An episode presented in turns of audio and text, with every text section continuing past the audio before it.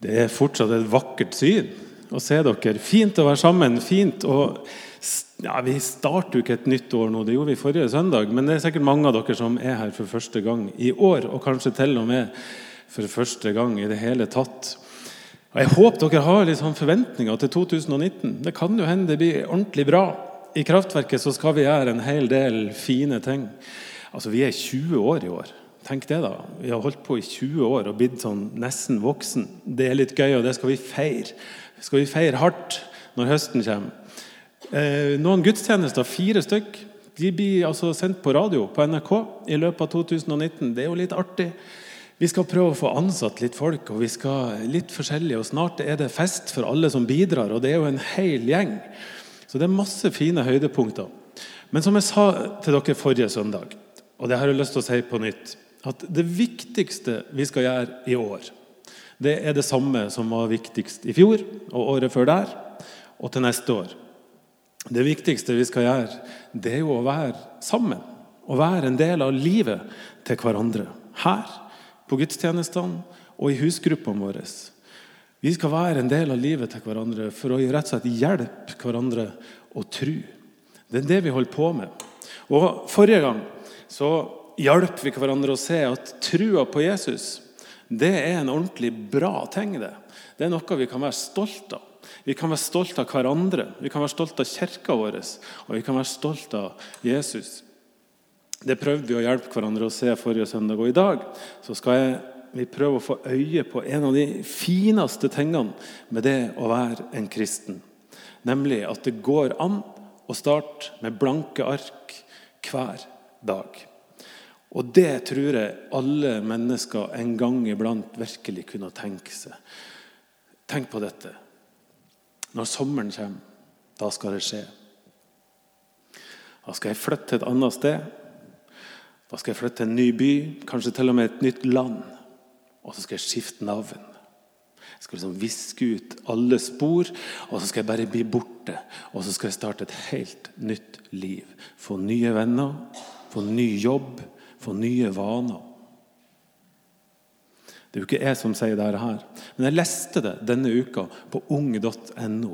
Og Ung.no er en nettside der unge mennesker kan spørre om alt mulig, eller de kan si alt mulig, og så får de liksom respons på det de har sagt. da. Og Her er det altså ei ung jente som hadde det så vanskelig hjemme og så kjipt på skolen at hun ville ut og starte et nytt liv med helt blanke ark. Er det noen som kjenner seg igjen? Er det noen som har tenkt den tanken en gang? Det har jeg gjort mange ganger. Og det er jo ikke fordi at jeg har hatt det så innmari fælt. Men av og til så kjenner vi en sånn der behov for å bare flykte, bli borte. altså.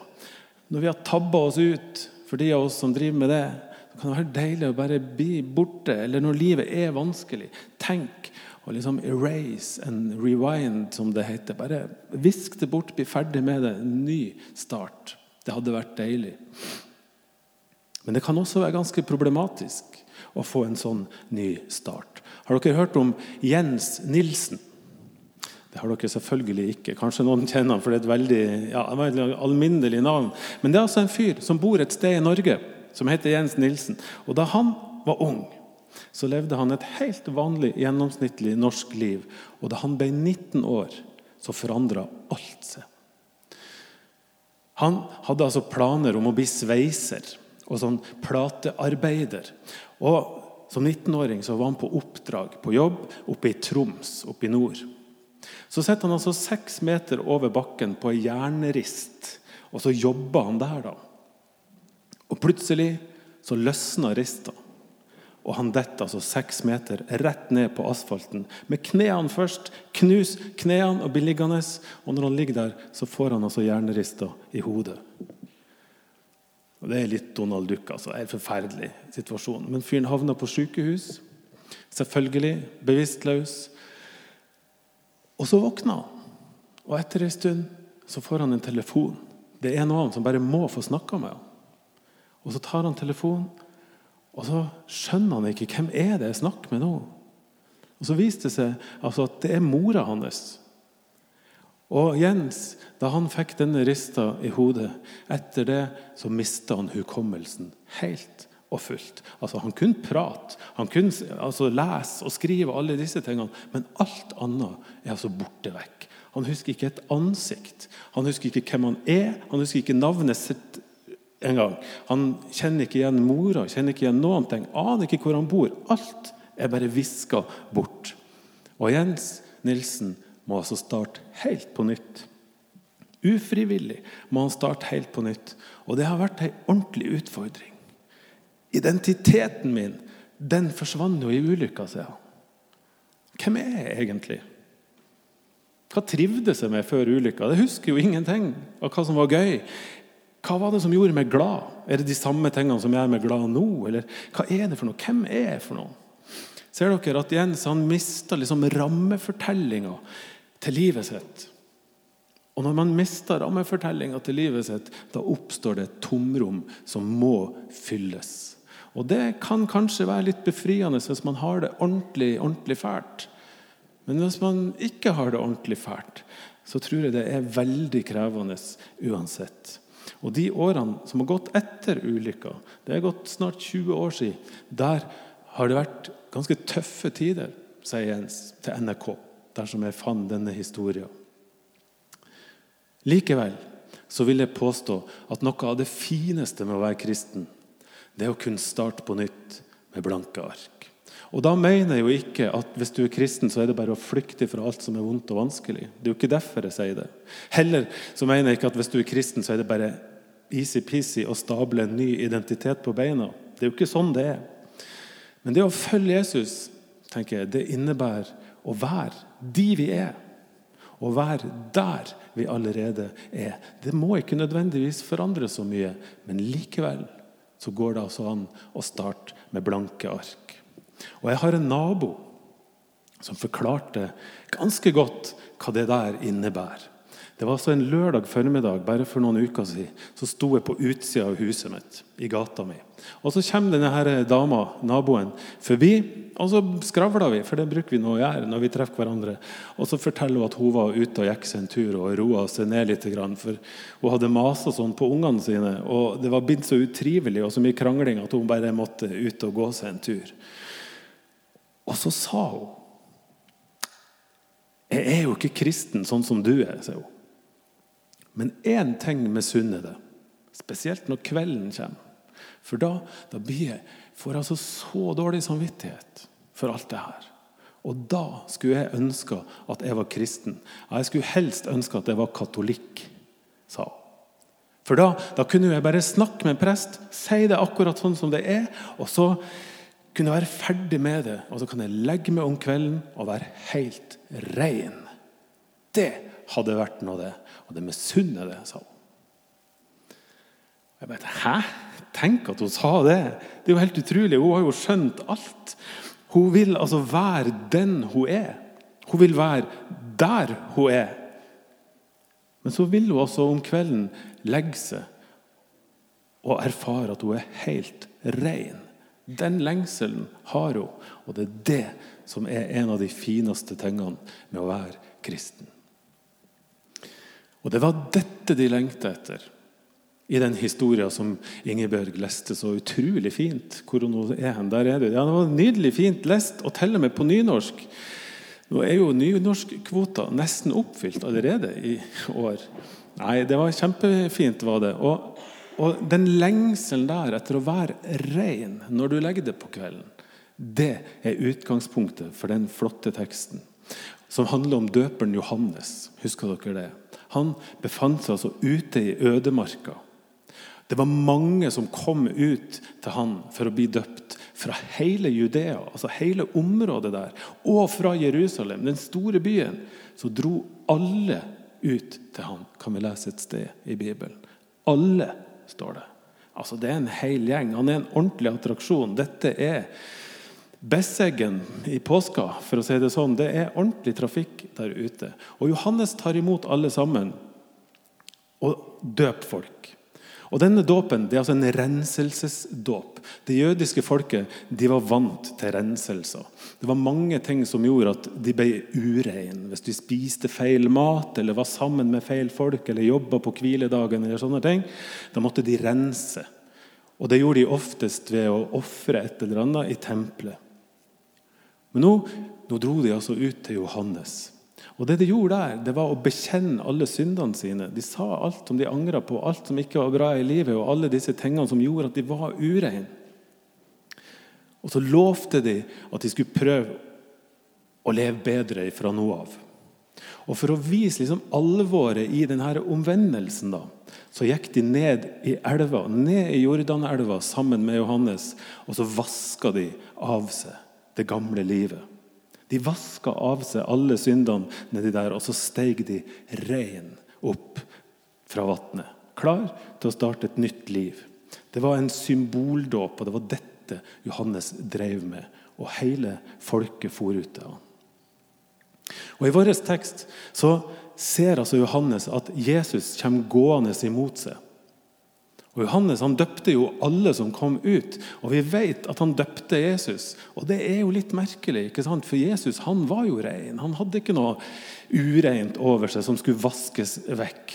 Men Jesus han insisterte på at jo, du er nødt å døpe meg. Og Johannes skjønte det ikke. Hvorfor? Og Det kan være litt vanskelig å skjønne. Og jeg tenker i hvert fall sånn at Jesus han gikk jo ikke ned i vannet sammen med Johannes for å rense seg men han gikk nedi der for å bade i alle syndene som folket hadde lagt fra seg i, i vannet. Skjønner dere forskjellen? Altså Mord og tyveri og misunnelse og sjalusi og baksnakking og hevn og krangling med unger og all slags jødiske urenheter. Alt som folket hadde fortalt til Johannes, det lå nedi vannet der. Og Jesus går helt rein ned i vannet. Han døp seg og bad seg i alt dette. Og når han stiger opp av vannet, så har han altså all verdens synd på seg.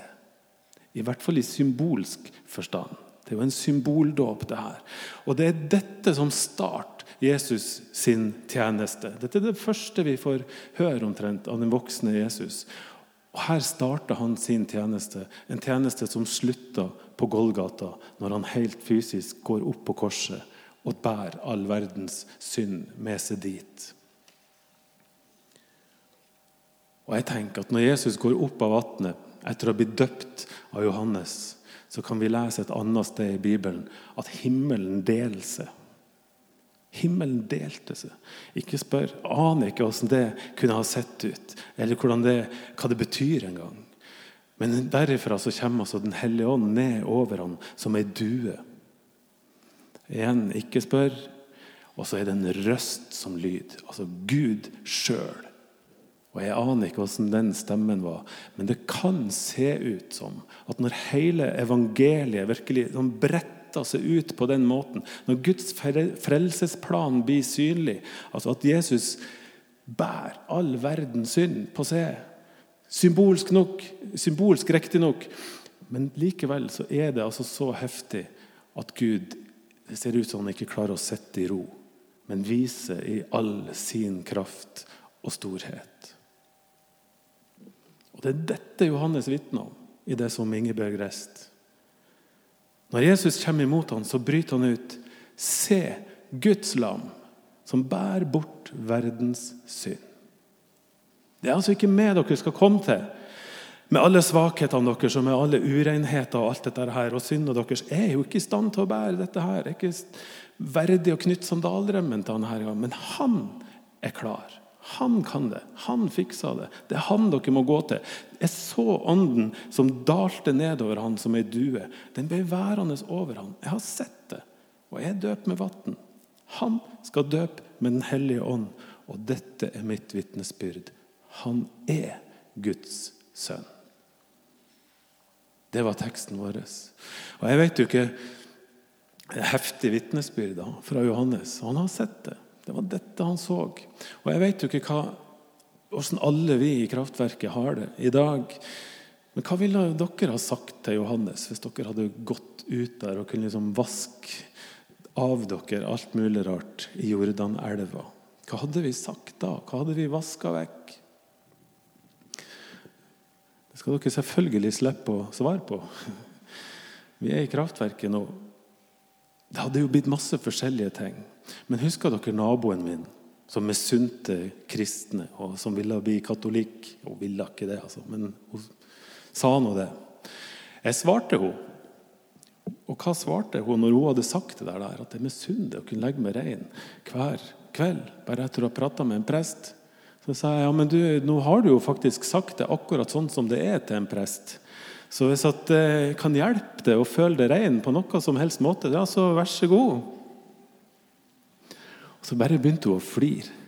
Og så sa hun men jeg mente jo en ordentlig prest. Og det er helt sant, Hun sa det. Jeg mente en ordentlig prest. Og vi flirte jo av det, og hun skjønte, og jeg tok det virkelig som et kompliment. altså. Jeg mener, Hvem har lyst til å være en ordentlig prest?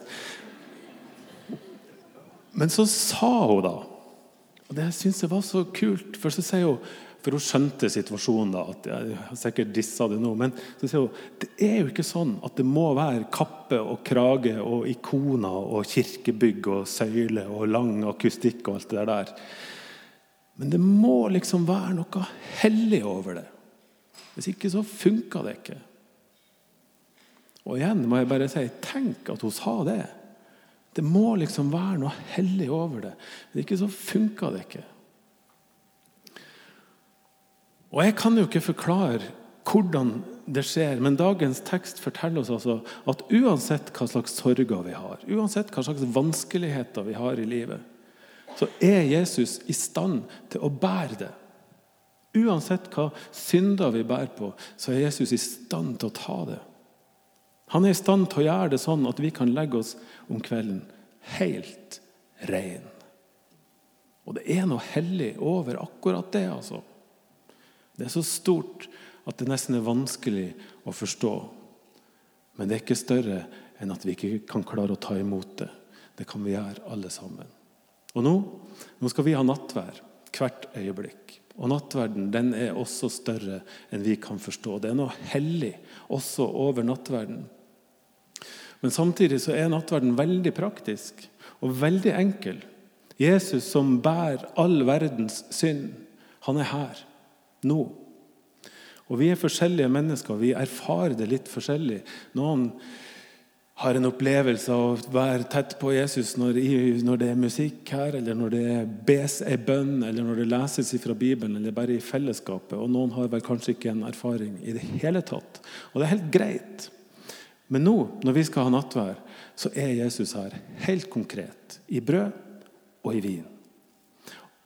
Og så skal vi få lov til å reise oss etter hvert fra benken og gå fram hit og ta imot brød og ta imot vin, og på den måten ta imot Jesus. Og si til han jeg vil at du skal bære min synd. Jeg vil at du skal ta mine problemer og mine nederlag. Jeg orker ikke å bære det sjøl. Men du har lovt at du skal klare å ta, å ta dette. Gjør det. Og så kan du også dele mine gleder. Hvis du går til nattvær, så er det dette det innebærer. Og så er det det ordentlig fine. Det er for det første, det er selvfølgelig frivillig. Ingen som ser rart på det. Hvis du ikke blir med på dette, hvis dette er for mystisk eller for hellig eller for et eller annet, det er helt greit. Men det fine er at det ikke bare er vi som tar imot Jesus i nattverden. Men uansett hvem vi er, uansett hva vi har i bagasjen, uansett hva slags gleder og sorger vi bærer på, så tar Jesus imot oss når vi kommer til han i nattverden. Alltid. Uansett. Og så kan vi starte på nytt sammen med han. Gå ut i hverdagen og være oss sjøl. Vær der vi allerede er. Der vi hører hjemme, men med blanke ark. Og en ny start. Og en visshet om at i kveld så kan vi legge oss helt rein. Det handler nattverden om. Og det skal vi snart gjøre.